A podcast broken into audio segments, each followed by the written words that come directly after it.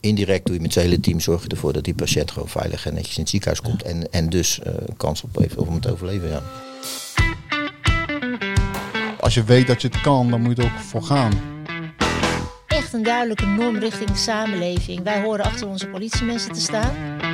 Leuk dat je luistert of kijkt naar een nieuwe aflevering van de politiepodcast Boeiend. En we hebben weer een interessante podcast voor je in petto. Want Edwin van Team Verkeer is hier om ons alles te vertellen over spoedtransporten. We gaan ons best doen. Ja, welkom in de podcast, wederom. Dankjewel. Dankjewel. Ja, dit is de tweede keer inmiddels. Hè? Dit is de tweede keer. Ja. En de laatste keer hebben we het gehad over Team Verkeer. Ja. De afdeling waar jij werkzaam bent. Maar vandaag gaan we het vooral hebben over spoedtransporten. Ja.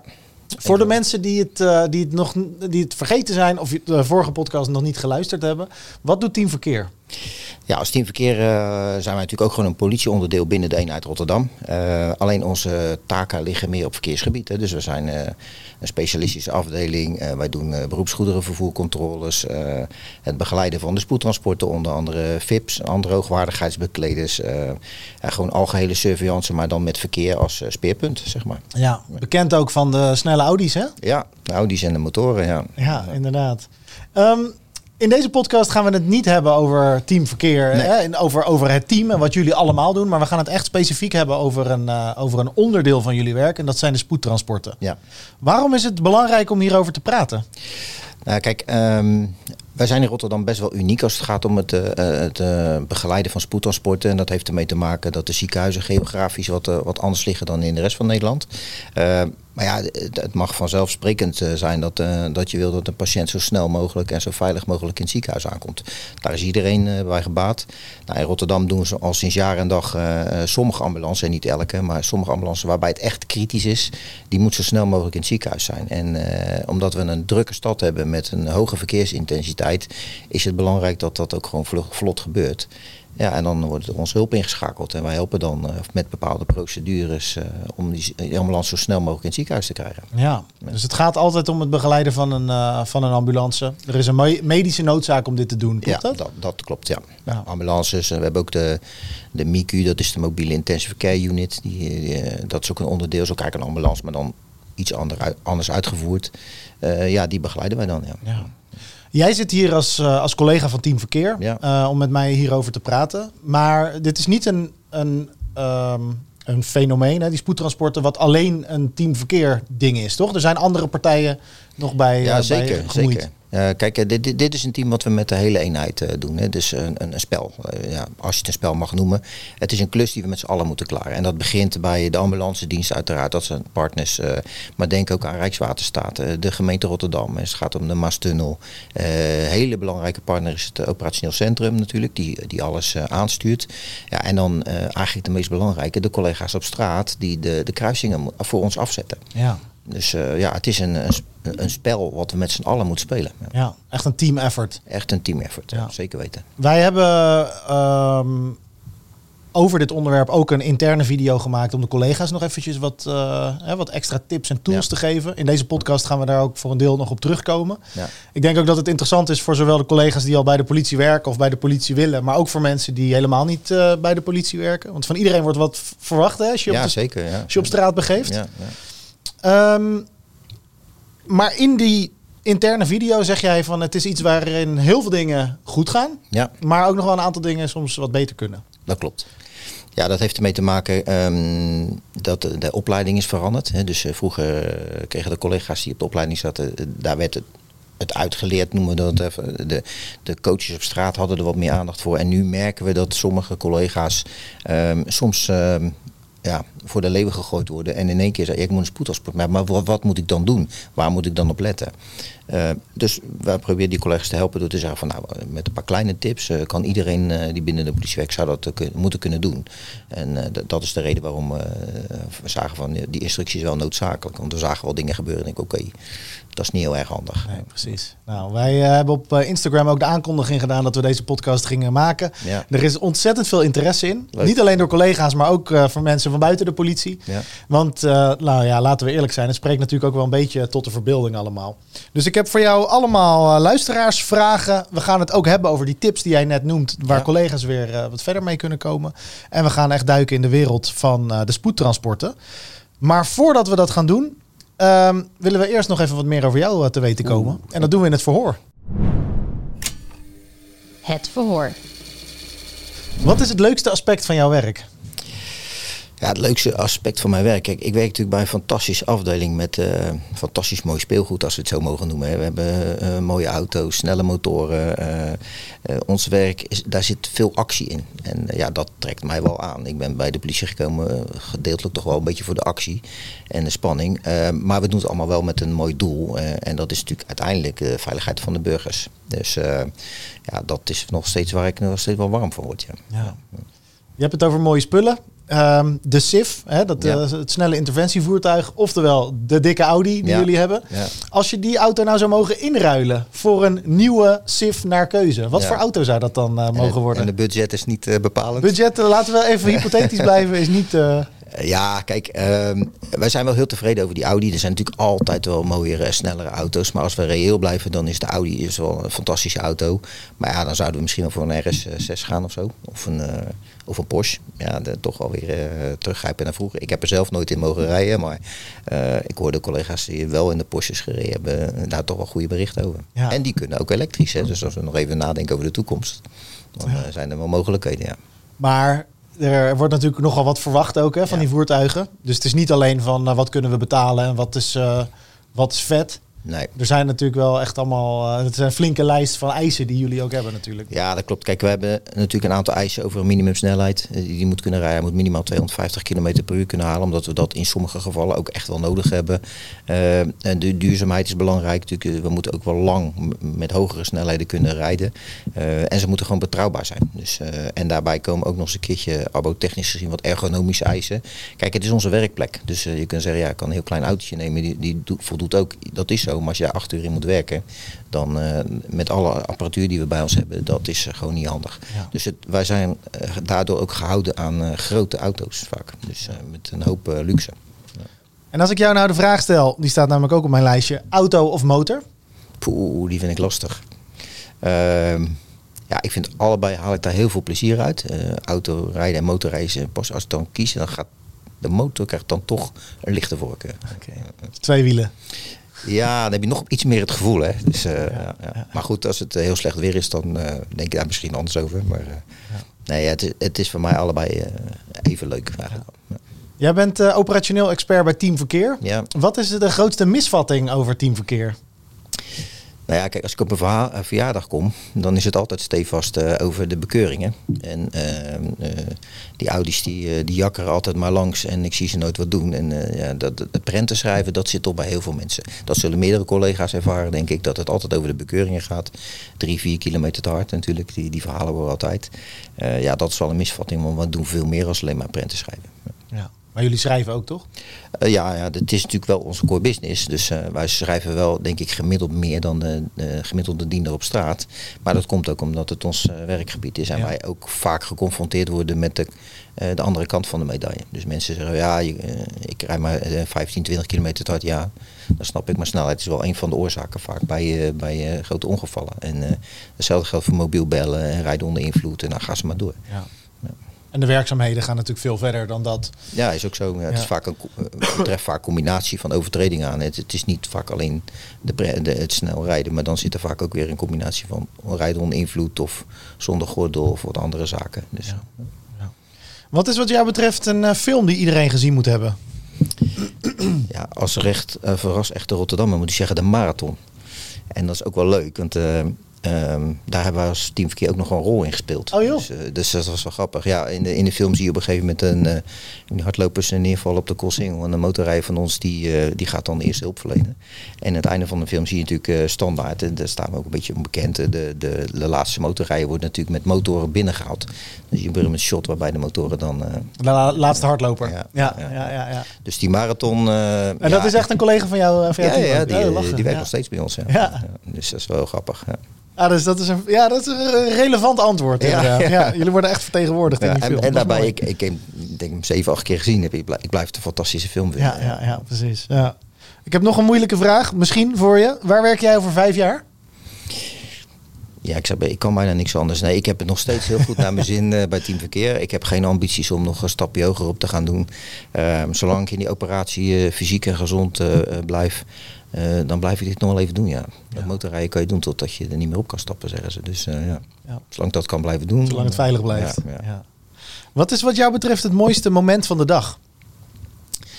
Nou ja, aan het einde van de dag ben ik altijd wel blij dat iedereen heel huis binnen is. En dat we niet te veel ellende hebben meegemaakt. Alleen de, de realiteit is natuurlijk vaak anders. We maken heel veel ellende mee. Uh, en als ik dat dan goed weet te managen, dat iedereen uh, weer uh, met een goed gevoel naar huis gaat, dan is mijn dag geslaagd. Ja. Verdachte feitjes. Ik heb weer een nieuw verdacht feitje voor jou. Weet jij wat wij bedoelen met mobiel banditisme? Nou, ik kan je vertellen, het heeft helemaal niks met je telefoon te maken. Mobiel banditisme zijn groepen criminelen die rondtrekken en vaak niet uit Nederland komen. Ze trekken rond en laten een spoor van oplichting, winkeldiefstal, uh, nou ja, een spoor van ellende dus achter. Ze blijven maar een korte tijd in Nederland en vertrekken dan weer terug naar hun thuisland of naar het volgende land. Het aanpakken van deze mobiele bandieten staat hoog op onze prioriteitenlijst. We willen natuurlijk ook voorkomen dat deze mobiele bandieten Nederland een aantrekkelijk land vinden. Dus daarin werken we samen met onze partners. Dit was hem weer het verdachte feitje. Ik zie je bij de volgende. Jouw vraag. Wij stellen de luisteraars of de kijkers van de podcast altijd in de gelegenheid om hun vragen in te zenden. En ook voor dit onderwerp was er ontzettend veel interesse. Ik denk ook omdat het, uh, nou ja, het gaat natuurlijk om blauwe lampen en sirenes. Dat is mooi. Uh, heel veel mensen zien het of hebben het wel eens gezien. Het spreekt een beetje tot de verbeelding. Maar er is ook nog niet heel erg veel precies duidelijk van hoe zit dat nou allemaal. Want soms nee. lijken de dingen, de procedures wel eens wat van elkaar te verschillen. Als we eens helemaal teruggaan naar het begin. En dus de vraag heel simpel stellen: wat is nou eigenlijk een spoedtransport? Laten we daar eens beginnen. Ja, nou, een spoedtransport wil eigenlijk zeggen dat er een medische noodzaak is uh, om een uh, patiënt zo snel mogelijk, maar ook zo veilig mogelijk in het ziekenhuis te krijgen. Snelheid is niet altijd het belangrijkste. Het gaat erom dat die ambulance vaak zonder gehinderd te worden, zonder te stoppen, door kan rijden tot in het ziekenhuis. En dat is dan een taak voor de politie om, om daar zorg voor te dragen. Dus dat is eigenlijk een beetje de belangrijkste taak. En hoe ziet die procedure er ongeveer uit? Ja, nou, um, wat je ziet is dat uh, we hebben een ernstig ongeval of, uh, of iemand is uh, onwel geworden of nou ja, allerlei medische oorzaken kunnen er zijn waardoor ambulancepersoneel zegt van oké, um, deze patiënt is dusdanig slecht aan toe, die moeten we zo snel mogelijk in het ziekenhuis krijgen, anders gaat hij misschien niet redden. Um, en dan ook gelet op het tijdstip, uh, want midden in de nacht zal het minder noodzakelijk zijn dan overdag. Uh, vinden wij het belangrijk dat dat, dat spoedtransport er komt. Nou, die ambulancepersoneel die vraagt dan een spoedtransport aan bij hun meldkamer. Nou, die lopen even naar de kant, naar onze eigen meldkamer toe en die zeggen joh, wij willen begeleiding hebben van die ambulance. De ambulance, of de uh, mensen op het OC die gaan dan kijken van, uh, nou, dan gaan we een eenheid van team verkeer ter plaatse sturen of eenheden. Het kan ook met de motor. en dan gaan wij zorgen voor dragen dat de route wordt bepaald in samenspraak met die ambulance. en dan gaan we het transport uiteindelijk uitvoeren. Ja. En is er dan een um, gewenste hoeveelheid collega's of voertuigen of een bepaalde procedure waarvan je zegt van joh, we willen dit altijd met met dit clubje doen?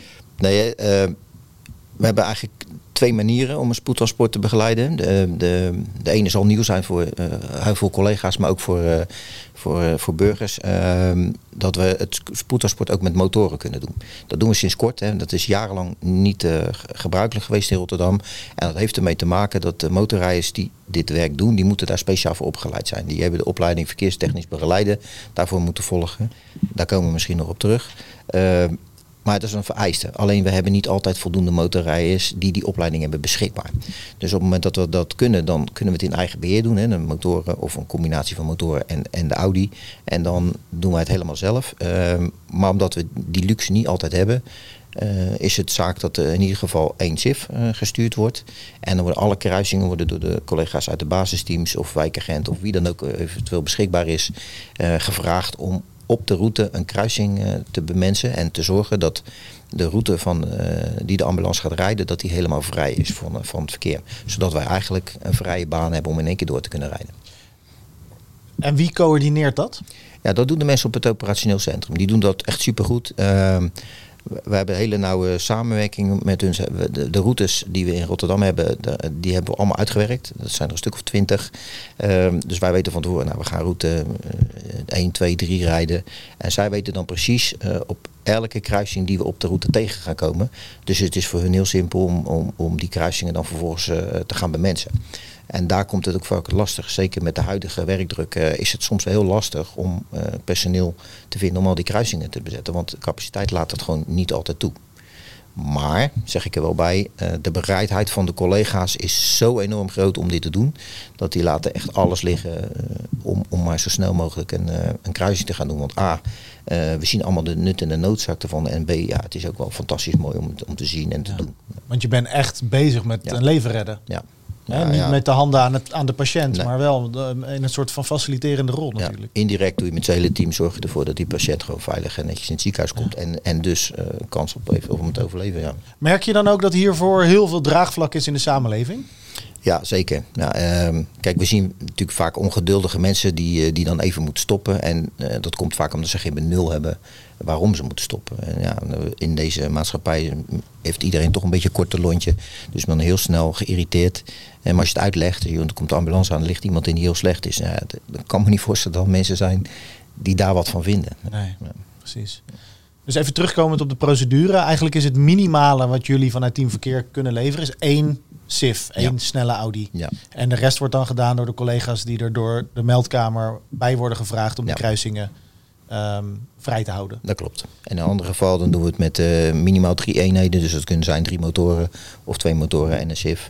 Dat is een combinatie die u kunt ook doen. En, eh, en dan doen we het helemaal in eigen beheer. Ja. En je zei net, meestal beginnen we dan op een plaats van een, van een heftig ongeval. Gaan jullie dan altijd naar hetzelfde ziekenhuis of kan dat eh, heel erg verschillen? Nee, dat kan, dat kan verschillen. Ehm, de- uiteindelijk bepaalt de, de meldkamer van de ambulance dienst in overeenstemming met, het, met een ziekenhuis van nou, dit is het ziekenhuis waar je naartoe kan. Kijk, in Rotterdam zal het veelal het Erasmus Medisch Centrum zijn. En dat, komt het medisch centrum of een eh, academisch ziekenhuis is. Eh, maar goed, we hebben ook een brandwondenziekenhuis in, eh, op Zuid natuurlijk, het Maastad ziekenhuis. Eh, dus we hebben een aantal gespecialiseerde ziekenhuizen. We hebben ook wel eens transporten van het ene ziekenhuis naar het andere ziekenhuis. Dat gebeurt ook wel. Maar we hebben ook wel voorbeelden dat we naar België gaan om, om daar een ambulance heen te brengen. Omdat Oh, ja. het de specifieke zorg daar noodzakelijk is. Ja. Of vanuit België naar ons toe. Ja. En dan pakken we meestal bij de grens op. Een van de vragen die wij hier ook over hebben binnengekregen is dat het lijkt dat dit in Rotterdam bijvoorbeeld veel meer gebeurt of op een andere manier gebeurt dan op andere plekken in het land. Kan je daar wat over vertellen? Zijn er verschillen in politie Nederland, eh, de manier waarop we spoedtransporten doen? Ja, nou dat lijkt niet alleen zo, dat is ook gewoon zo. Kijk, eh, ik zei in het begin al, in Rotterdam hebben we een beetje een uitzonderingspositie. Ehm, de ziekenhuizen in Rotterdam liggen wat dat betreft eh, een beetje ongunstiger als in andere ziekenhuizen. Utrecht, Amsterdam, het gaat allemaal vlak langs de snelweg. En eh, dus de, grote ziekenhuizen, die, dan hoef je niet de halve stad door te, te crossen om daarbij te komen. Maar, maar het EMC ligt midden in het centrum van Rotterdam. En vroeger hadden we het Zuiderziekenhuis, lag ook eh, op Rotterdam-Zuid. Ehm, eh, tegenwoordig het Maastadziekenhuis ligt ook wel redelijk dicht bij een snelweg. Maar ehm, dus de geografische indeling van de ziekenhuizen in Rotterdam zorgen ervoor dat zeker met de intensiteit, intensiteit van het verkeer, dat het gewoon erg druk is. En, eh, en dat je dus langer over doet om bij het ziekenhuis te komen. Maar worden er in andere eenheden wel ook sport, spoedtransporten eh, uitgevoerd? Eh, jawel, kijk, we, eh, wij werken heel veel met de collega's van Team Verkeer Den Haag. Den Haag doet het ook heel veel. Amsterdam ook wel. Daar heb ik alleen niet zo heel veel zicht op hoe dat, hoe dat daar gaat. Maar Den Haag heeft, is best een grote, grote regio. En die hebben ook wel ziekenhuizen Ja. in, in, in Leiden en, en, dat, en dat soort zaken meer. Dus uh, in Delft. Dus die doen ook vaak wel spoedtransporten. Maar die komen ook gewoon vaak uh, vanuit andere regio's naar ons toe. En nou, met Den Haag hebben we een dusdanige samenwerking. Dan hoeven wij ze vaak niet te assisteren. Die doen dat gewoon zelf. En andersom ook. Wij kunnen ook rustig richting het Leids Universitair Medisch Centrum of zo rijden met een, met een spoedtransport. Ja, en dus, dan is het een beetje zo dat hè, hoe, hoe verkeersdichter ja. de eenheid is, hoe meer uh, nou ja, daar, heeft het, daar heeft het voornamelijk mee te maken. De intensiteit van het verkeer. Eh, Kijk, de, de grote steden die hebben gewoon een drukkere verkeersintensiteit. En dus heeft die ambulance meer moeite om uit het ziekenhuis te komen. en dan is een spoedtransport noodzakelijk. Kijk, in andere regio's hebben ze daar minder last van. Dus dan, dan hoeven ze dat niet te doen. Hoe word je, je had, je had het net al even over een opleiding, maar hoe kom je nou als collega van Team Verkeer hiervoor in aanmerking om dit te doen? Ja, nou, ehm, als je bij Team Verkeer werkt, eh, dan krijg je sowieso eh, uitgebreide rijopleiding. Zowel voor de, voor de Audi als voor de motor. Eh, op het moment dat je die, die autorijopleiding he- hebt gehad, dan is een onderdeel daarvan is ook het begeleiden van spoedtransporten. Dat wordt je in je coachingstraject wordt je dat geleerd. En dan leer je de routes, dan leer je de fijne kneepjes van waar let je nou op. Als motorrijder is een apart vak. Eh, we hebben natuurlijk eh, gespecialiseerde motorrijders. Er zijn de zogenaamde C-motorrijders. Die krijgen een aparte opleiding verkeerstechnisch begeleiden. En dat is dan eh, heel breed. Dat, dat is eigenlijk ook het begeleiden van VIP's. Maar ook van Feyenoord bijvoorbeeld. en ambulances is daar een onderdeel van. En ja, als je die opleiding hebt gehaald, dan mag je pas die ambulance begeleiden. Omdat dat, ja, dan heb je echt wel over hogeschool rijden. Dat is echt wel, eh, eh, je moet soms eh, onder hele moeilijke omstandigheden snel beslissingen kunnen nemen. Goede verkeersinschatting maken. bekend zijn met de procedures. Ja, en dat is, dat is echt hard werken. Ja. Ja. Next level. Ja, dat is wel next level, Ja. zonder arrogant te zijn. Maar dat is wel, dan moet je, er, er zakken echt heel veel collega's ook voor die, voor die opleiding. Omdat die gewoon heel erg zwaar is. Ja, ja. En wordt het dan daarna nog vaak geoefend? Nou ja, sowieso eh, krijgen wij eh, binnen, binnen Teamverkeer eh, elk jaar een rijopleiding. Het zij met de auto, het zij met de motor. En sinds dat we de ambulance ook met de motor begeleiden, hebben we één keer per jaar, één keer in de twee jaar moet ik zeggen, gaan we met elkaar ook oe- oefenen specifiek op die ambulance. En we zitten momenteel in die fase dat we specifiek met ambulances aan het oefenen zijn. Eh, om maar gewoon eventjes eh, ook het ambulancepersoneel te laten wennen aan, aan het feit Ja. van hey, je moet nu niet een Audi volgen, maar een motor. Dat gaat net even iets anders. Ja, precies. Ik hoor je ook tussen de regels een beetje zeggen dat dit ook nog wel een beetje in ontwikkeling is. Dat we het nog steeds proberen steeds gestroomlijnder en effectiever te maken. Klopt dat? Ja, dat is ook zo. Kijk, wij proberen ehm, met de huidige technieken kun je natuurlijk een aantal dingen veel makkelijker doen. Je kan, eh, de gemeente meldkamer die kan zorgen voor een groene, groene zone Ja. van de verkeerslichten bijvoorbeeld. Eh, we, realiseren ons ook dat de capaciteit van het personeel, eh, ja, we kunnen geen blikken meer opentrekken en we zeggen we, we trekken voor 100 collega's eh tevoorschijn om een kruisingen te doen.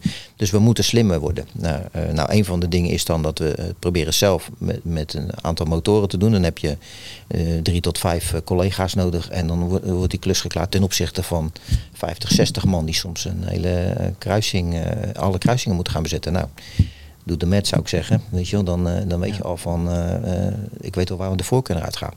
We hebben al hele nauwe samenwerking met de gemeente Rotterdam. eh, als het gaat om het uh, Maastunnel bijvoorbeeld. Eh, dus die Maastunnel die, die staat voor ons al op groen als we aankomen rijden. En de matrixborden, de tekstborden die ze boven, die geven al aan van spoedtransport in aankomst. En dat geeft natuurlijk al de burger ook al het even, oké, ik weet dat ik even langer moet staan, want er komt een spoedtransport aan. Hetzelfde geldt met de Rijkswaterstaat. Rijkswaterstaat die kan tegenwoordig meeluisteren met ons. En als wij de route van tevoren doorgeven, zorgen zij ervoor dat de, bijvoorbeeld de, linker rijstrook, rijstrook 1, uh, voor ons helemaal afgekruist is. En uh, achter ons weer netjes op, uh, op wit gaat of, of uitgaat. Dus dat zijn allemaal slimme technische zaken waarbij we zeggen van nou dan kunnen we uh, met minder mensen toch nog steeds die ambulance op een veilige manier in het ziekenhuis krijgen. Ja. Dit is volgens mij echt zo'n zo'n onderdeel van het werk waarvan je aan de ene kant zegt van hè, dit is politiewerk, dit is een serieuze zaak, hier kijken we professioneel naar. En tegelijkertijd in diezelfde adem kan je ook zeggen dit is gewoon super vet om te doen. Ja, toch? Is het ook, ja dat is het ook. Kijk, uh, ja, laten we eerlijk zijn, uh, de rit er naartoe is al spannend. Ja. Want je weet niet wat je aan gaat treffen. Ja. Uh, je weet, de, de, we rijden niet voor niks heen. er is daar echt serieus iets gebeurd. En de rit er naartoe is ook vaak een rit met optische en geluidssignalen. En vaak met hogere snelheden. Ja, dat is ook wel een beetje waarvoor je met teamverkeer bent komen werken, neem ik aan. Ja. Dus, ja, dus dat maakt het al leuk. Ondanks het feit dat er vaak wel een serieuze kant aan zit. Ja. Jij werkt uh, als operationeel expert, dat zei ik net al even. Dat betekent ook dat jij ook zorg draagt voor jouw mensen hè, van Ja. Team Verkeer. Ja. Een team waarin er uh, mentaal en emotioneel echt wel flink uh, belasting op, op zit. Hoe, wordt dit ervaren? Hoe worden die, die spoedtransporten ervaren binnen het team? Ja, kijk, iedereen heeft dezelfde passie en dezelfde drive om dit te doen. Ik hoef bij ons ook niet te vragen van jongens, let even op, er komt zo meteen spoedtransport aan. Want ook die jongens zitten al snel in de auto of stappen op de motor om dat te doen. Alleen, uh, soms word je ook geconfronteerd met het leed. En dan hebben wij het vaak niet over de plek van het ongeval. Hè, want wij komen natuurlijk vaak aan op het moment dat er al de nodige handelingen verricht zijn. Heel af en toe eh, zie je het wel, maar eh, bij ons begint het op het moment dat we in het ziekenhuis aankomen. En die ambulance aankomt, de deuren open gaan en dan moeten er allerlei dingen mee eh, genomen worden. medische apparatuur. En dan helpen wij vaak natuurlijk eventjes van, om die ambulance naar binnen te krijgen. Of die, het personeel van die ambulance naar binnen te krijgen. Ja, en dan word je natuurlijk ook wel eens geconfronteerd met hele vervelende dingen. En zeker als daar kinderen bij betrokken zijn, ja, dan zie je dat het bij ons ook echt wel wat doet. Ik moet zeggen dat ik heb ook wel ambulance of eh, een begeleiding gedaan die, die me echt wel geraakt hebben achteraf. Ja. We hebben een bericht gekregen van eh, Margot van de ambulancedienst. Ik heb vroeger bij haar op de basisschool gezeten. Oh, Zij is nu eh, team, eh, teamchef daar, geloof ik. Hoi Margot. Eh, altijd fijn dat jullie er zijn. Dus eh, Ja. dat wordt volgens mij ontzettend gewaardeerd dat we hier in elkaar eh, vinden en, eh, en samen optrekken. Nee, dat klopt. Die, die samenwerking met de ambulance dienst die is gewoon eh, heel goed. Eh, we hebben ook een oud collega die inmiddels nu chauffeur is bij de ambulance dienst. Die contacten zijn prima. Dus eh, en zij, zij weet ook van nou, als, als team verkeerder is, dan hoef ik me geen zorgen meer te maken. Dan gaat het goed komen. Nou, dat is gewoon fijn, fijn werken. Ja. Iemand heeft, wat jij net al benoemde, die ziet dat ook. Van, waarom wordt er nou bij de- het ene spoedtransport alle kruisingen afgezet en bij de andere is er alleen een begeleidend voertuig? Ja, nou, ik, ehm, dat heeft ook te maken met de, de toestand van de patiënt. Kijk, eh, voor ons is spoedtransport is het spoedtransport. En dan in de procedure betekent dat dus dat de route vrijgemaakt moet worden. Eh, we hebben ook nog wel eens een keer dat we gewoon eh, iemand moeten begeleiden. Maar dan ben je eigenlijk meer een soort veredelde navigatie. En dan rijden we eigenlijk voor die ambulance. Dat, gebeurt nog wel eens met ambulances die uit andere regio's komen of andere delen van het land. En niet zo goed de weg kennen. En dan zeggen van, willen jullie voor ons uitrijden? Ehm, om, ook om onvoorziene omstandigheden eventueel te tackelen. Ja, dat gebeurt. Kan dat dan soms ook juist leiden tot gevaarlijker eh, eh, situaties? Want ik kan me voorstellen dat eh, je kan, met alle respect voor de mensen die zich op straat begeven, maar vaak hebben fietsers oordopjes in, Ja. of scooterrijders die Ja. zitten niet op te letten, of weet ik veel wat. Die hebben zoiets van, oh, die Audi is voorbij, Ja. Roep, ik trek weer op, maar dan komt er nog een ambulance aan, of iets dergelijks. Leidt het wel eens tot gevaarlijke situaties? Eh, ja, zeker. Eh, nou, dit, dit specifieke voor, voorbeeld misschien niet. Maar, eh, kijk, een ambulance die met zwaarlicht en sirene rijdt, is ook gewoon een voorrangsvoertuig. Dus het moet niet uitmaken of nou 1, 2 of 3 eh, voorrangsvoertuigen aankomen. Eh, je moet gewoon stoppen. Eh, alleen, eh, en dat is dan wel goed om voor de collega's, op het moment dat we zo'n kruising af gaan zetten en jij staat daar netjes het verkeer te regelen, dan zet je al het verkeer stil, maar de verkeerslichten blijven gewoon doorgaan. En als mensen niet op zitten te letten of inderdaad met oordopjes inlopen of op de telefoon aan het kijken zijn, die, zijn vaak helemaal blind voor de omgeving. En ja, maar het verkeerslicht staat op groen, dus die beginnen te lopen terwijl jij net een algemeen stopteken gegeven hebt. Dus, eh, en dat, dat levert wel gevaarlijke situaties. Want wij hebben een kruising aankomen, we zien de collega staan, we weten het is geregeld. En dan op het laatste moment zie je toch nog fietsers, voetgangers, scooters, scootmobielen. Eh, die zie je dan nog even oversteken. Ja, maar het verkeerslicht staat toch op groen. Ja, dat is wel eens eh, billen knijpen. Ja. Ja. Zijn er dan ook eh, verschillen tussen een eh, spoedtransport en bijvoorbeeld de begeleiding van een, eh, van een spelersbus vol met voetballers? Nou, in de procedure eigenlijk niet. We doen het op dezelfde manier, alleen de snelheid. Kijk, bij een ambulance, daar, daar lijkt het soms over een, door het verkeer heen prakken. Hè. Dan, dan zijn we ook wat minder eh, nauwkeurig als met een, eh, met een eh, andere VIP of een, spelersbus. Daarbij nemen we de tijd om een kruising te Dan zetten we alles stil, dan trekken we alles leeg. En bij een ambulance is vaak, we pakken even de gaatjes en dan dan één rijstrookje eraf. En dan zorgen we in ieder geval dat, dat die ambulance snel en veilig door kan rijden. Bij een andere transport dan nemen we iets meer tijd en dan gaat het ook wel iets netter om, om, om te zien in ieder geval. Ja. Want dan hebben jullie ook een soort van ceremoniële opstart altijd, toch?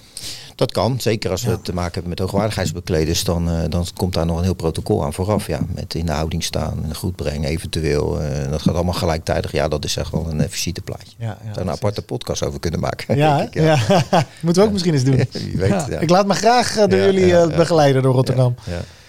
We hebben ook een vraag gekregen van iemand die zegt van... joh, waarom doen we dit soort dingen niet met de traumaheli? Nou, dat is een hele goede vraag en eh, die begrijpen we ook zeker. Eh, eh, nou is het zo dat er worden wel eens patiënten vervoerd met een ambulance of met een eh traumahelikopter, sorry. Maar ehm, eh, de, de ruimte is in helikopters heel erg beperkt. En niet elke patiënt is geschikt om vervoerd te worden met een helikopter. Uh, dus, uh, en je zit ook met luchtdrukverschillen, dus uh, het is niet altijd even handig. Dus de ambulance dienst die wil liever met een ambulance rijden. Vaak zit er dan ook een traumaarts bij, een verpleegkundige, een, een, ja, misschien nog wel een anesthesist, weet ik het. Dus dan heb je te maken met gewoon ruimtegebrek in die helikopter. Ja, want dat zou je natuurlijk bijna vergeten, maar in die ambulance wordt op dat moment gewoon keihard gewerkt. Ja, natuurlijk. zeker. Het is niet van joh, strik erom en we zien je in het ziekenhuis Nee, wel. nee. Terwijl jullie aan het rijden zijn, wordt er gewoon iemands... Hè, er zijn er allemaal medische mensen die daar eh, keihard aan het werk zijn Ja. om een leven te redden. Ja, dat Ja. is ook helemaal de reden waarom die spoedtransporten eh, op een, eh, vrije do- een vrije doorgang hebben. Want eh, het moet zo comfortabel voor die, mogelijk zijn voor die patiënt. We hebben ook wel transporten over de snelweg die 15, 20 km per uur gaan. Ja. Omdat de, de, patiënt, de toestand van de patiënt dermate slecht was dat we gewoon niet harder konden rijden. Elk bultje, elk heuveltje, dat, dat wordt gevoeld. En eh, ja, dat is wel een hele bijzondere gewaarwording. Want dan komt er nog een ander aspect bij. Dan wil je gewoon niet dat die ambulance ingehaald wordt. En, en dan creëren we een soort bubbel om die ambulance heen. eh, dat er echt gewoon niemand bij kan. En dat is natuurlijk wel een hele aparte gewaarwording om te zien. Want dan rijdt een ambulance met 20 kilometer over de snelweg. Maar ja, dan, als mensen dat zien, dan weet je, nou, dan gaat het niet goed met die Nee, nee, nee. Dus dan is juist het achteropkomend verkeer weer. ja, dan, weer dan zie je ook vaak dat er mensen achterop rijden. Dan hebben we vaak wel meerdere eenheden nodig hoor. Ja. Dan doen we het niet met een één Audi, dan komen er wel wat motorrijders bij. Ja. Hoe, kan je wat vertellen over hoe, hoe het gaat met de, met de communicatie, eh, ook op de portofoons? Hè? Want je zei net al, het, het operationeel centrum Ja. heeft een, is, een, heeft, is een ontzettend belangrijke factor in deze, in deze schakel. Zeker, ja. Ehm, maar maar hoe, hoe gaat dat verder? Kan je ons daar eens in meenemen? Ja, nou op het moment dat eh, vanuit de meldkamer het verzoek naar de collega's komt, eh, er komt zo meteen een spoedtransport aan. Jullie worden verzocht te schakelen naar meestal is bij ons het kanaal OC10, dat is daarvoor vrijgemaakt. En dat kanaal eh, kunnen zij koppelen aan het ambulancekanaal. Dus die ambulance kan meeluisteren op datzelfde kanaal. RMG10 wordt dat dan voor de techneuten onder ons. Ehm, eh, en dan is het verzoek, en dat is wel heel belangrijk, want dan gaat het vaak mis. En dat is ook een verzoek van de meldkamer. Eh, zorg ervoor dat als je je aanmeldt eh, bij zo'n, voor zo'n spoedtransport, dat je dat in een vrije status doet. Ehm, dus zorg ervoor dat je eerst helemaal vrij status bent en dan meld je je aan voor dat spoedtransport. De meldkamer heeft dan een overzicht en die kijkt dan waar je rijdt en wat voor jou de meest gunstige kruising is om te gaan eh, bemensen. Dus voor de mensen die, hè, die nooit met een portofoon werken, dan moet je eigenlijk zorgen dat je nergens aan gekoppeld staat Nee, van een andere melding of iets Ja. dergelijks. Nee, want dat dan eh, op het moment dat je dan, eh, ja, het is een technisch verhaal, maar een, een status geeft en je wil contact met de meldkamer, dan eh, verschijnt in zijn scherm de melding waar je op dat moment aan staat. En dan moet hij weer eruit, dus dat veld allemaal technische gegevens. Dus daar zijn Sta je nog aan een winkeldiefstal? ja, dan, bijvoorbeeld. ja. Ja, En wat ook belangrijk is op, voor collega's om te weten, op het moment dat je dan gekoppeld wordt, dan krijg je automatisch natuurlijk de locatie gestuurd naar je navigatiesysteem. En dat wordt gepusht. Eh, dat is natuurlijk een hartstikke mooie technische ontwikkeling. Alleen realiseer je dat de locatie die je dan gepusht krijgt, is de, het onge de ongevalslocatie. Dus ga dan niet daar blind naartoe rijden, want dan kom je op de plek waar het ongeval is gebeurd. Eh, en je moet naar de kruising die je onderweg toegewezen krijgt. Dus dan moet je echt zelf even je navigatie openen als je de weg niet weet. eh, om te zoeken dat je bij de juiste kruising terechtkomt. Ja. En dan? Dus dan zitten jullie samen met de mensen van de ambulance hè, onder regie van het operationeel Ja. centrum, de meldkamer. Wij noemen het nog steeds de meldkamer, Ja, maar het heet ja. officieel het OC. Ja. Eh, en dus de collega's van Team Verkeer, allemaal in diezelfde gespreksgroep. ja, Ehm, en dan is het op enig moment, denk ik, eh, aanvang eh, spoedtransport. We gaan rijden. ja. En dan? Nou, ja, dan, dan is het een samenspel tussen, tussen die ambulance en, die, en, en degene in de SIF. Of de SIF en de motorrijders. Of de motorrijders onder elkaar. Eh, maar dan gaat het er even om eh, de, snelheid gaan we bepalen. Uiteindelijk bepaalt de ambulance snelheid. Eh, want die kan aangeven van nou, het, kan harder. Of, of ik moet echt rustig aan gaan doen. Want het wordt te link achterin. Dus de, de chauffeur de SIF die blijft continu in zijn spiegel kijken van kan ik nog mee en, en desnoods praat hij met hem. En die geeft ook aan van joh, we, gaan, eh, we komen zo meteen de Brinotte, we pakken de busbaan of we pakken rijstrook eh, 1 of we gaan via het rechtsafvak gaan we rechtdoor. Zodat eh, iedereen gewoon blindelings weet welke route we gaan pakken. Let op, eh, we komen dadelijk bij een brug, die staat nog open. We moeten het even temporiseren, tempo eruit halen om dat motorreis vooraf ruimte te geven om even eh, de kruising vrij te maken. Want anders dan krijg je dat domino-effect. En dat, dat willen we niet. We willen gewoon rustig en stabiel door kunnen rijden. Zonder al te veel poespas. En de collega's die dan de melding hebben gekregen van... joh, je moet nu eh, bij de Koolsingel, weet ik Ja. veel wat, die kruising. Ja. Gaan die dan, eh, zodra ze er zijn, meteen die kruising plat gooien? Nee, dat, dat hoop ik niet. Eh, Dan 20 Nee. minuten wachten? Ja, ja, ja, Ja. Nee, kijk, dat is natuurlijk altijd een, een, een lastige eh, situatie. Van wanneer begin je nou met, eh, met doortrekken? Dat hangt helemaal van de verkeersintensiteit af. Eh, maar eh, van de collega's die ter plaatse, die krijgen vaak toestemming eh, om te rijden met optische geluidssignalen naar de kruising. Als je daar bent, zet dan je auto op een veilige plek neer eh, met je oranje lampen aan, zodat je in ieder geval zichtbaar bent. Eh, en op het moment dat de meldkamer zegt van nou, transport komt eraan, die coördineert dat een beetje en die zegt nou, we rijden. Ze kunnen ook mee eh, luisteren waar we rijden. We geven continu door van nou, we zitten nu op die locatie, we rijden die, hectometerpaal, de snelheid wordt, dus dan kun je een beetje inschatten van nou, hij zal er zo zijn.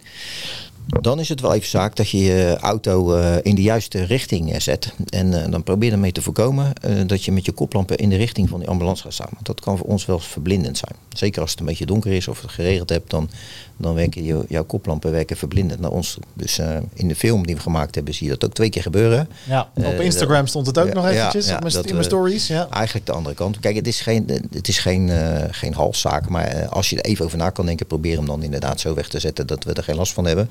Met je blauwe verlichting aan. En voor de collega's is het belangrijk, dan trek je dan inderdaad je gele veiligheidshesje aan.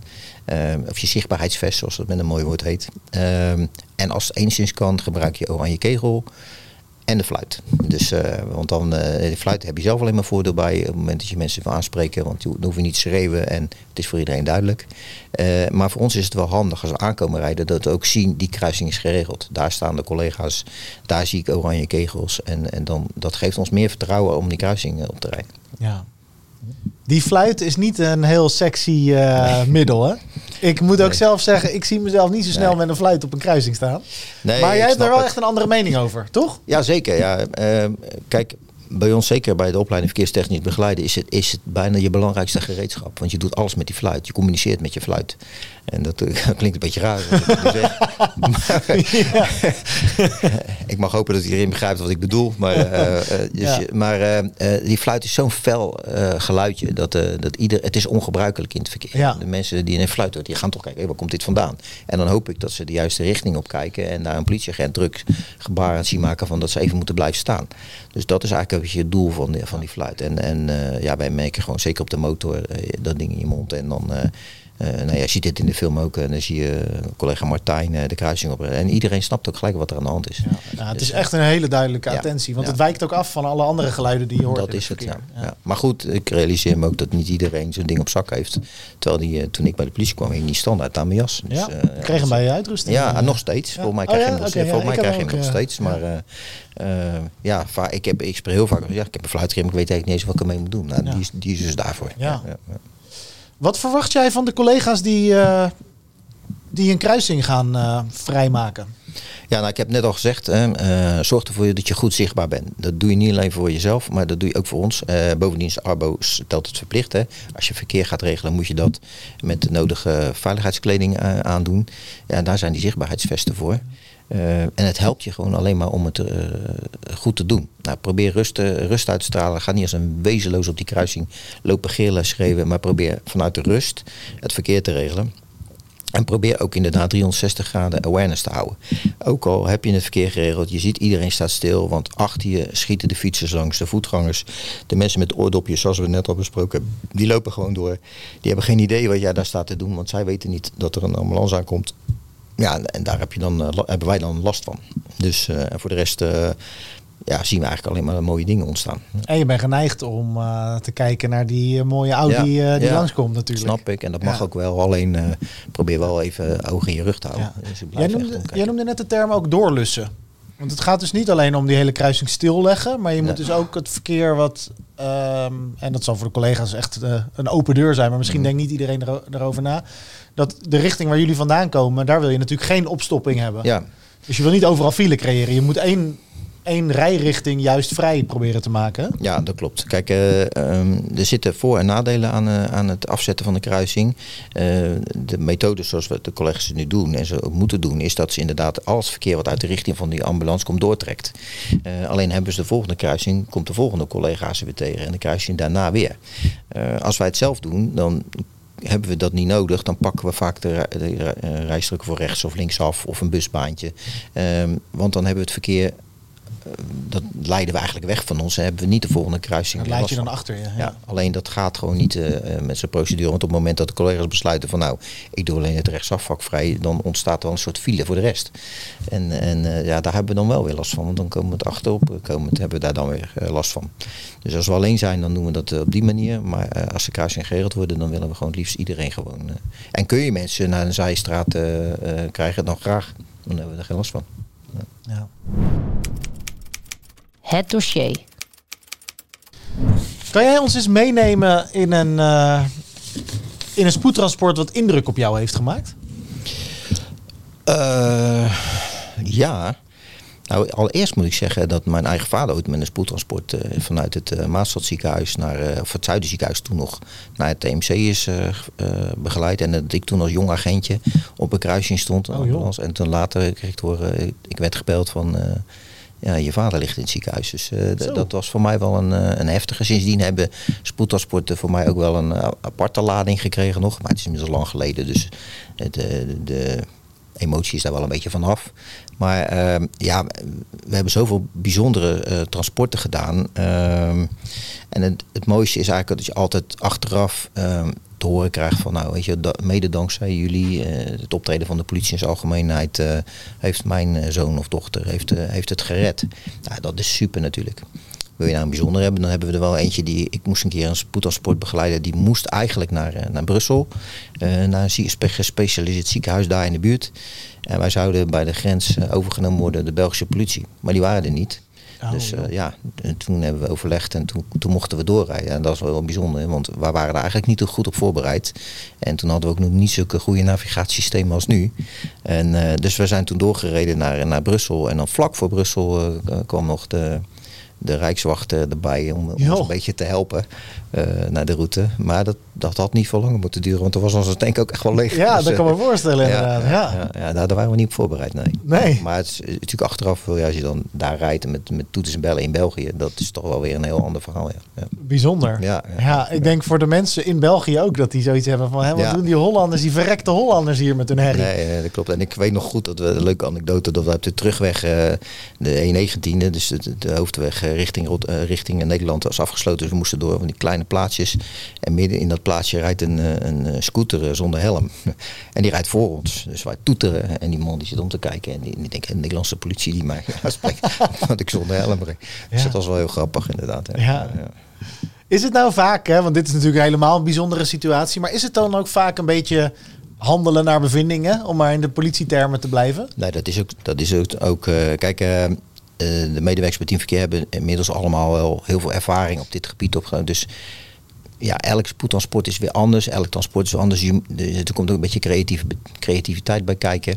Maar eh, nee, ja, het is toch altijd wel weer handelen naar omstandigheden. Het loopt altijd anders dan dat je gepland hebt. Of een Ja. brug gaat ineens open. Of we hebben ook wel transporten gehad waarbij de eh, ambulance ineens stopt. Omdat het met de patiënt dusdanig slecht gaat. Ehm, ik heb het een keer gehad in de Ma- dat hij midden in de Maastunnel stopte. Nou, dan denk ik, wat is er aan de hand? Nou, wij, wij zijn natuurlijk aan het rijden. Ineens stopt iets, moet je weer achteruit terug. Dat is ook ongewoon als je in de, in de achteruit gaat rijden. Ja. Maar goed, je weet, er zit verder niks bij. Ehm, ja, en dan vervolgens is, is de chauffeur uitgestapt om zijn, bij zijn, eh, zijn maatje te gaan helpen met de reanimatie. Nou, ben ik vervolgens in die ambulance gestapt en die ambulance naar het ziekenhuis gereden. Ja. Om, eh, omdat, ja, dus dat is ook van die rare dingen zijn dat, eh, waar je achteraf wel om, eh, om, om kan lachen, maar die, die dan niet voorzien zijn. Zeg. Nee, nee, precies. Ja, heftig. Ja. En hoe zit dat dan met nieuwe collega's die bij jullie op het team eh, starten? Want je hebt het net al even verteld over de opleiding. Ja. Nou ja, meestal zijn opleidingen er om jouw start bekwaam te maken. Klopt. En Ja. moet je gewoon meters maken en ervaringen opdoen om daar ook echt beter in te worden. Eh, jij hebt ook een leidinggevende en ongetwijfeld ook coachende rol. Heb je dan ook zoiets van, joh, rustig aan beginnen? Of heb je zoiets van, nee, dit kan, ja, dit kan je wel? Nee, zeker niet. Kijk, het voordeel is dat de collega's die bij ons komen werken, zijn geen collega's die net van de politieacademie komen. Ja. Dus het zijn wel ervaren collega's over het algemeen. Ze hebben wel iets van ervaring. Eh, dus eh, aan zich zijn wel bekend bij ze. Alleen dan ga je het vanuit een andere rol ga je het doen. Eh, nou, in het begin dan, zitten ze sowieso drie maanden in een soort coachingstraject. Waarbij ze met een ervaren collega gewoon ook in de rustige momenten alleen al de routes ga- gaan verkennen. Weet je, als je een spoedtransport hebt, dit, gaan we even die routes even afrijden. Want er zitten een aantal, dan weet je gewoon van nou, ik kan hier via een kleine omweg kan ik er makkelijk komen. Je moet de ingangen van de ziekenhuizen weten. Uh, je moet ook überhaupt weten waar de ziekenhuizen liggen. Welke hebben we eigenlijk allemaal in onze regio. Uh, dus dat, dat, daar nemen we de tijd voor om die collega's uh, wegwijs te maken. Uh, en daarna dan in de rijopleiding komt het ook nog een aanbod.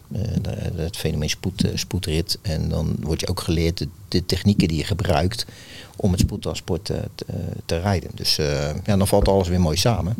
En dan kunnen de collega's met een veilig hart kunnen ze die transporten gaan begeleiden. Ja. ja. Ik denk dat het hoog tijd wordt dus om, in te, om eens te gaan kijken hoe dat er dan in de praktijk ja, uh, Uh, uitziet. En we nemen ook dan meteen even een kijkje op, de, op het OC. Er komt ook een collega aan het woord om daar ook nog wat, uh, wat meer op in te gaan. Helemaal goed.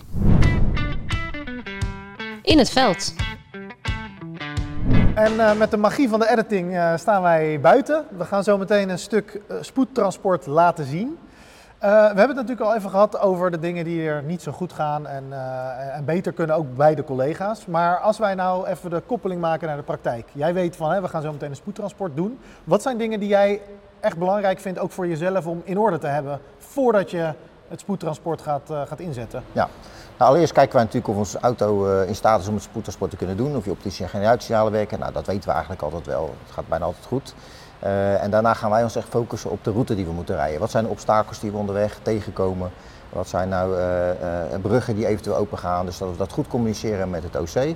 Voor heel let erop, we gaan over de Boerengatbrug bijvoorbeeld. zorg ervoor dat dat ding dicht blijft, want anders staan we voor, voor joker. En daarna gaan we de route uiteindelijk rijden, waarbij we echt wel een hele duidelijke taakstelling hebben. De chauffeur is echt bezig met het rijden en de route en de veiligheid. En de bijrijder die zorgt voor het doorgeven van de locaties. Uh, maar die kijkt ook mee voor de chauffeur. Want uh, we naderen kruisingen die als het goed is door alle collega's geregeld zijn. Uh, maar goed, zoals we het in de podcast al ook over, gehad hebben, soms zien we dat collega's niet goed zichtbaar zijn doordat ze misschien de vestje niet dragen. en dan is het extra alert voor ons. Dus daar moeten we echt wel op letten dat dat gewoon goed gaat. Uiteindelijk dan rijden we zo'n transport en het is inmiddels een beetje een routineklus geworden. Uh, maar daar zit ook het gevaar, je moet continu scherp blijven. Want uh, ja, uh, overstekende voetganger, een fietser die net even niet op zit te letten, ja, daar moet je gewoon rete scherp op zijn. Ja. ja.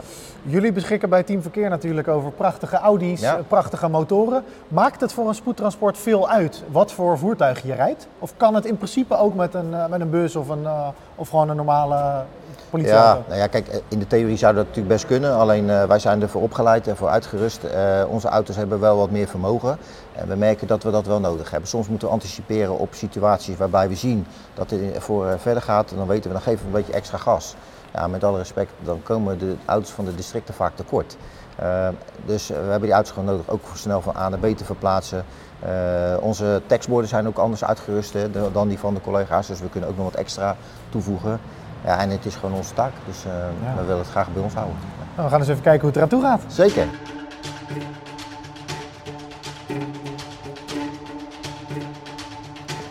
Moment is daar gekomen, de meldkamer geeft het zijn, uh, de kruisingen kunnen worden afgezet. De collega komt aan, zet zijn blauwe lamp aan en gaat uh, de kruising regelen. En zorgt ervoor dat het kruisingverkeer uh, niet over kan steken. Daarna zal je zien dat Martijn over gaat steken en het verkeer gaat regelen. Nou, je hoort het, Goed gebruik van de fluit. Hij zet al het verkeer stil. Nou, als al het verkeer dan geregeld is, alles staat stil, dan gaat hij het verkeer wat komt uit de richting van de ambulance, dit gaat hij doortrekken. Dat er niks meer, uh, meer aankomt, dat die ambulance een vrije doorgang heeft.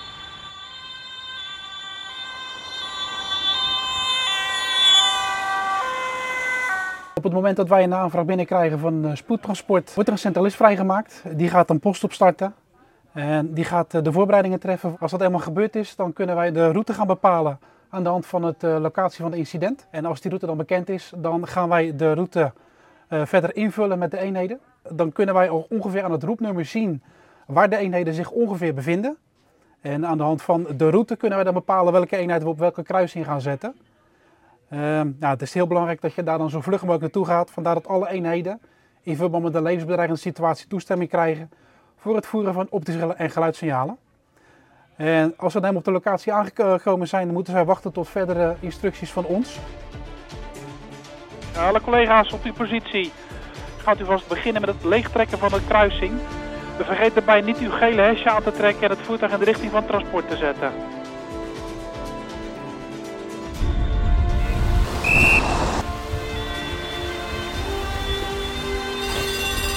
Ja, bij ons staat de kruising helemaal vrij, dus kun je niet door. Nader eh, Maastunnel.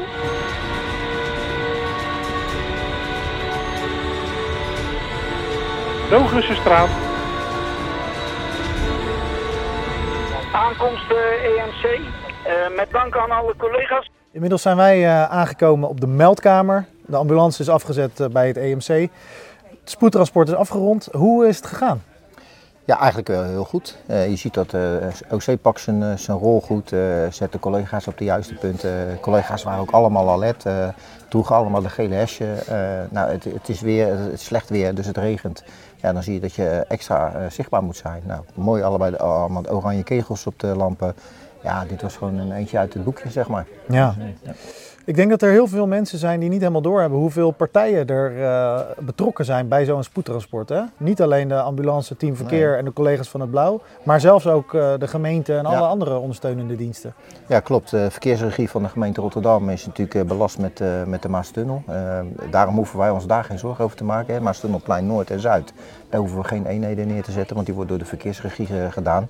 Uh, en op de snelweg hebben we natuurlijk Rijkswaterstaat die voor ons vaak al een uh, rijstrook afkruist, zodat we gewoon een vrije doorgang hebben. Dus er zijn altijd wel meer partijen hierbij betrokken. Ja. ja. We zagen net ook een, uh, een stukje met een tram die toch besloot door te rijden. Kan je daar wat over vertellen? Hoe, hoe gaat dat nou? Ja, het is natuurlijk lastig. Je verwacht dat beroepschauffeurs, zoals inderdaad trams, taxichauffeurs die dagelijks op de weg zitten, zeker in Rotterdam, bekend zijn met het fenomeen spoedtransport. het is niet de eerste die we hier doen. Uh, en dan zie je toch dat ondanks het feit dat de collega's een duidelijk stopteken geven, uh, zij groen licht krijgen en denken, ja, ik mag toch gewoon gaan rollen. Uh, dat zal wel niet voor mij gelden. Ja, daarom moet je echt zo alert zijn, want ondanks het feit dat je denkt het geregeld te hebben, schieten er links en rechts voetgangers, fietsers die het allemaal te lang vinden duren. Dus ja, daar moet je altijd alert op blijven. Ja, ja. dus het, is, het, het vergt wel echt aandacht. Zeker. Ja, ja, we hebben ook best in de auto soms spannende momenten hoor. Dat je, dat je denkt dat, uh, dat de collega's het geregeld hebben uh, en geen invloed hebben op een fietser, op een voetganger die toch nog doorkomen. Die met de koptelefoon op gewoon stoïcijns naar het verkeer zegt, ja ik heb groen dus ik steek over. Uh, en dan komen wij daar net aanrijden. En de snelheden zijn toch al wat, wat hoger dan, dan normaal. Ehm, ja, dat, dat zijn spannende momenten soms. Ja. Ja. En vooral ook in de wetenschap dat er ook echt wel altijd een medische noodzaak is om dit te doen hè? Ja, dat klopt. Kijk, spoedtransporten worden natuurlijk alleen aangevraagd uh, op het moment dat het echt uh, nodig is. Hè. Dat, uh, en vaak is het zo dat de snelheid is vaak niet eens relevant. Het gaat meer dat het, transport moet blijven rollen. En het liefst zo comfortabel mogelijk. Dus wij willen zo min mogelijk afwijking hebben in die snelheid. Dat het lekker soepel verloopt. Uh, ja, dat is een spelletje wat we samen met die ambulance spelen. Uh, maar dan is het wel belangrijk dat, we, dat het geleidend uh, gewoon gaat. En soms kan dat met hoge snelheid. Maar we hebben ook spoedtransporten die bijna stapvoets gaan, omdat de toestand van de patiënt daarom vraagt. Ja. Nou zagen we, en dan moet ik je toch nog even vragen. We zagen de collega met de fluit staan. Ja. dat is niet echt sexy. Wat vind jij ervan? Ik snap hem, maar uh, die fluit is zo waardevol. Uh, onze motorrijders zijn natuurlijk, de, de C-motorrijders zijn VTB opgeleid. Nou, je ziet het bij uh, VIP-transporten, daar zie je die motorrijders altijd met die fluit werken. mensen lopen met koptelefoons op, zijn niet alert. En die fluit is een afwijkend geluid. Je, het is geen klakson, het is geen sirene. maar die fluit is, is fel, heeft een bepaald niveau. Uh, ja, en om daarmee de aandacht te trekken, werkt perfect. Dus ja. wij zeggen, gebruik dat ding, daar heb je hem voor gekregen. Ja, je zag het, het was echt een attentie. Ja, echt, echt een attentiesignaal. Ja, ja. je communiceert uh, met je, met je medeweggebruikers door die fluit. En het, het ziet er misschien een beetje lullig uit, maar het werkt fantastisch. Ja.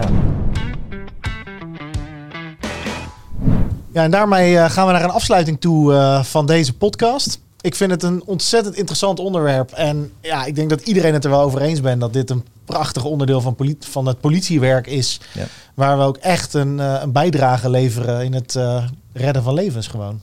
Ja, je, je, hebt dan echt het gevoel dat je toch op een klein beetje het verschil op kunnen maken. Dat ja. is zeker waar, ja. ja.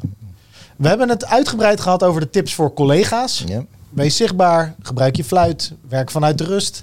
Maar er zijn ongetwijfeld ook mensen die naar deze podcast luisteren die niet bij de politie werken. Heb je als afsluiter ook nog uh, een tip voor hun? Uh, nou, zeker. Um, kijk, de gemiddelde Rotterdammer is wel bekend met het fenomeen spoedtransport. Hebben het altijd wel een keer gezien en weten uh, wat er aan de hand is. Maar ik zou aan de mensen uh, willen vragen, heb een beetje geduld. die, als, het, als je in een file terechtkomt of in een situatie waar je even stil moet staan en je hebt geen idee wat, wat er aan de hand is, dan is er vaak iets wel aan de hand. Nou, en dan zou het een spoedtransport kunnen zijn. Nou, weet dan dat er iemand in die ambulance aan het vechten is voor zijn leven en probeer daar een beetje begrip voor te hebben. Voor automobilisten uh, of andere weggebruikers die voor ons rijden is handig. Ga aan de kant. en uh, zoveel mogelijk. En uh, wat we vaak zien op de snelweg is dat wij inrijden op een auto. En die ziet ons wel. maar dan durven mensen op enig moment niks meer te doen. En gaan ze remmen om maar het gat ernaast te pakken. En dan hebben we liever dat je gas bijgeeft en de volgende gat pakt dan dan gaan remmen. Want dat betekent als wij gaan remmen, moet die ambulance weer remmen. En dat zijn nou net situaties die we niet willen hebben. Dus uh, geef dan een klein beetje gas, daar krijg je echt geen bekeuring voor. En uh, probeer dan uh, vrije ruimte voor ons te creëren. Dus ja, geduld en, en ons de ruimte geven, dat is eigenlijk een beetje alles wat we vragen. Ja, ja. mooi. Edwin, bedankt dat jij hier ja, nogmaals eigenlijk ja, hè, wilde, wilde aanschuiven. Graag gedaan. Mocht je nou de vorige podcast nog niet gezien en gehoord hebben, dan uh, zou ik je zeker willen uitnodigen als luisteraar om ook zeker even de podcast met Edwin over Team Verkeer te luisteren. En dan zal je ook schrikken als je kijkt naar hoeveel lelijker de studio en de camera's ja. en uh, weet ik wat er wat allemaal was, want ja. dat komt echt uit een andere periode. We zijn stapje voor stapje bezig om deze podcast wat beter te maken. En mocht je niet bij de politie werken, sinds kort hebben wij ook geen eigen nee, nee. papieren bekertjes meer. Dus we drinken nu, omdat we allebei van fotografie houden, maar Klopt. uit uh, camera lens mokken. Wellicht een mooie ambitie voor 2024 om voor deze podcast ook echt uh, podcast koffiekopjes uh, te maken. Ik denk dat dat wel een goede ja, zou zijn. Goeie zijn ja, ja. Hoe dan ook, Edwin, hartstikke bedankt dat jij hier aan tafel hebt willen zitten. En jij als luisteraar, hartstikke bedankt dat je ook weer naar deze podcast hebt geluisterd. Wij verschijnen één keer in de twee weken op YouTube en op Apple Podcasts of op Spotify of op Podimo in je favoriete podcast app. Dus ik zie je heel graag uh, in de volgende aflevering van de politiepodcast Boeiend als je weet dat je het kan, dan moet je er ook voor gaan. Echt een duidelijke norm richting de samenleving. Wij horen achter onze politiemensen te staan.